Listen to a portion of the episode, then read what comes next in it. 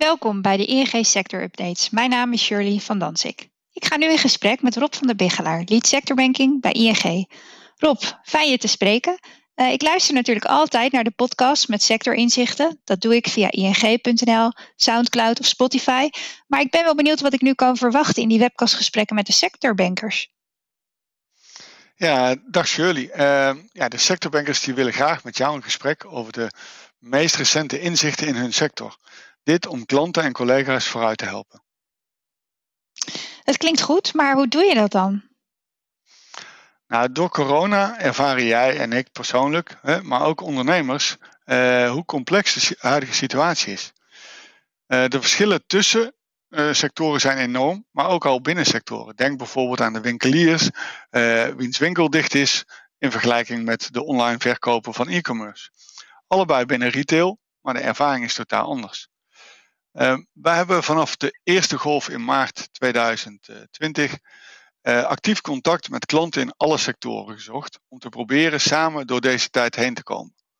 Soms door inzet van overheidsregelingen, soms door aflospauzes in te lossen op leningen of anderszins. Uh, helaas niet altijd, maar vaak lukt het. Daarbij inventariseren we natuurlijk ook hoe klanten de situatie ervaren en hoe ze daar zelf op acteren. Oké, maar hoe kan dat andere klanten dan helpen om vooruit te denken en ook te acteren?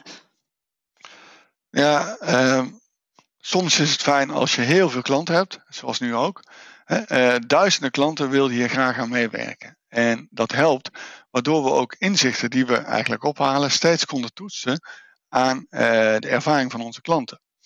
En uh, klanten vonden dat leuk en konden ook zien wat mogelijke stappen hun uh, mogelijk zouden kunnen opleveren. Ondernemers zijn altijd nieuwsgierig en op zoek naar kansen, dus ze willen graag weten hoe anderen ermee omgaan. Door de inzichten te delen met klanten, brancheverenigingen en ook beleidsmakers, uh, kunnen ze nieuwe stappen zetten en hoeven ze het wiel niet opnieuw uit te vinden. heb je eigenlijk een aansprekend voorbeeld voor me? Ehm, nou ja, eerst sorry, eerst uh, in zijn algemeenheid. Ik denk, uh, als je kijkt naar maart vorig jaar, uh, misschien kun je je nog herinneren, de grenzen waren dicht. Hè, transporteurs ja. die stonden aan gesloten grenzen. Ehm, eigenlijk de bloemen en planten werden doorgedraaid. De, de bouw viel stil. Ehm, groothandel en industrie konden geen producten meer importeren. Ehm, en door eigenlijk de inzichten met elkaar snel te delen, zijn transporteurs gaan uh, zoeken naar alternatieve afzetmarkten, zoals uh, food retail en e-commerce. Uh, de bouw kwam in overleg met partners tot een bouwprotocol om te kunnen blijven bouwen. En de industrie en handel gingen juist in Nederland op zoek naar andere toeleveranciers. De overheid kwam met aanvullende regelingen voor de glas- en tuinbouw. Hierdoor ontstond een, een, een positiever speelveld. Ook individuele ondernemers die leerden van elkaar. Bijvoorbeeld hoe die anderhalve meter samenleving uh, te implementeren in hun bedrijf. Uh, om besmettingen en ziekteverzuim te voorkomen. Maar ook hoe je als bedrijf, als, als restaurant, hotel, vakantiepark weer open zou kunnen in de zomerdag. Dus klanten helpen elkaar door kennis te delen. Ja, kennis delen, dat is inderdaad uh, belangrijk en mooi om te horen dat dat gebeurt. Maar gaan uh, onze updates dan voornamelijk over corona? Nee, uh, dat, dat is natuurlijk nu een, een, een aanleiding die uh, heel erg uh, voor de hand ligt. Maar ondernemers zijn altijd uh, geïnteresseerd in wat er voor ze ligt. niet zozeer van het terugkijken, maar die kijken graag naar wat komt er op me af en hoe kan ik daarop inspelen. denk daarbij aan actuele groeiverwachtingen in sectoren, veranderende regelgeving of veranderingen in businessmodellen. En geven we onze klanten eigenlijk ook nog specifieke tips zodat ze echt aan de slag kunnen?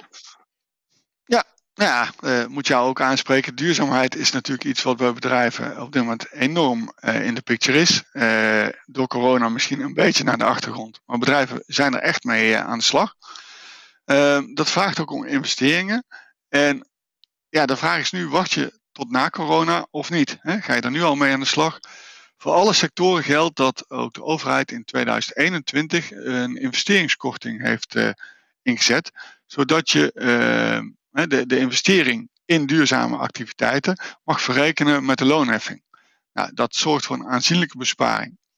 daarnaast komen op basis van de trends en ontwikkelingen die de sector beïnvloeden specifieke tips voorbij en gaan de sectorbankers in op wat de koplopers in de sector op dit moment onderscheidt van anderen. Ondernemers zijn van nature uitermate handig in het ontdekken uh, van nieuwe kansen uit de geboden inzichten. Dus ik denk dat er zeker leuke uh, tips en tricks voor ondernemers voorbij komen. Ja, uh, nou, ik weet genoeg. Ik ga eens het hem van het lijf vragen, zodat onze klanten ermee vooruit kunnen. Uh, Rob, dankjewel. En ik zou zeggen, blijf vooral doorgaan met het delen van sectorinzichten.